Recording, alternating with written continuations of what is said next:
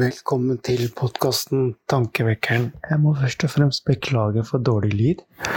Jeg har ennå ikke rukket å skaffe meg profesjonelle utstyr, men det kommer etter hvert. Vi får se hvordan denne podkasten utvikler seg.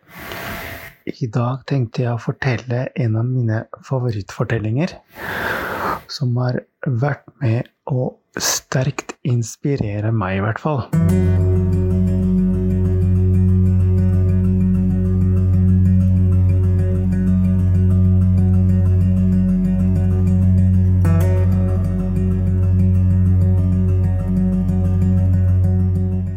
Etter en lang dag i ørken kom han til en landsby.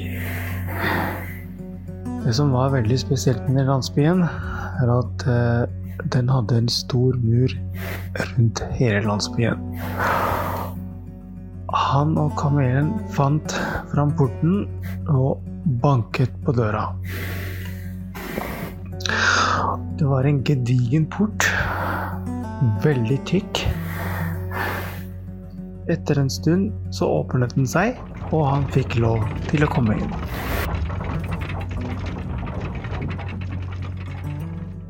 Det sto to vakter som så litt mistenkelig på han, og de stilte han noen par spørsmål hvem han var og hvor han kommer fra.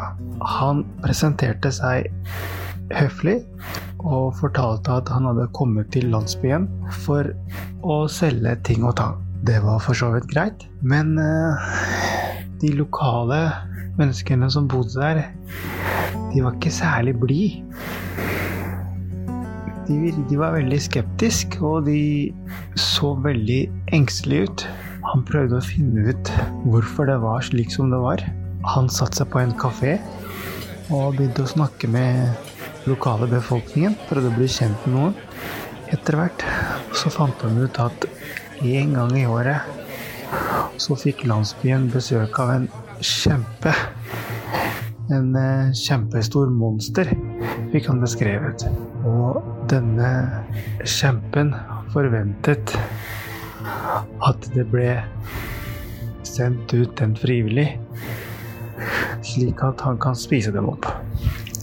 Hvis han ikke fikk den frivillige, så kunne han komme inn i landsbyen og lage rabalder og spise opp mer enn flere.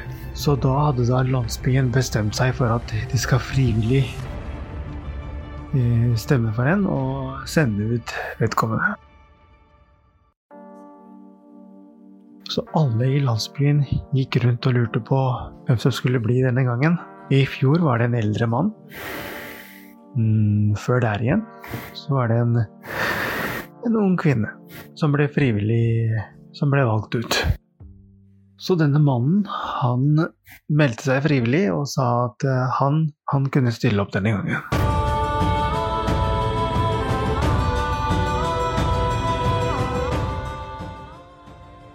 lokale befolkningen ble forbauset, men samtidig litt glad. Fordi da slipper dem å være bekymret over hvem som skulle bli den frivillige. Så kom den dagen kjempen dukket opp, og denne mannen fikk den skarpeste sverden med seg fra landsbyen. Han sto klar.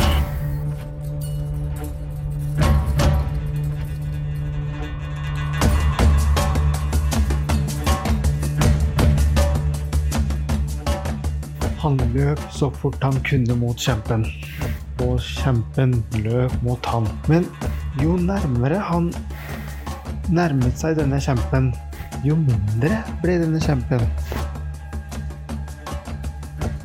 Denne mannen løp raskere og raskere. Denne kjempen ble mindre og mindre. Helt til slutt, når han kom helt inntil denne kjempen, så hadde kjempen blitt så lav, lavere enn kneet hans. Da bøyde han seg ned og spurte 'Hvem er du?' Da svarte denne kjempen Jeg er frykten din.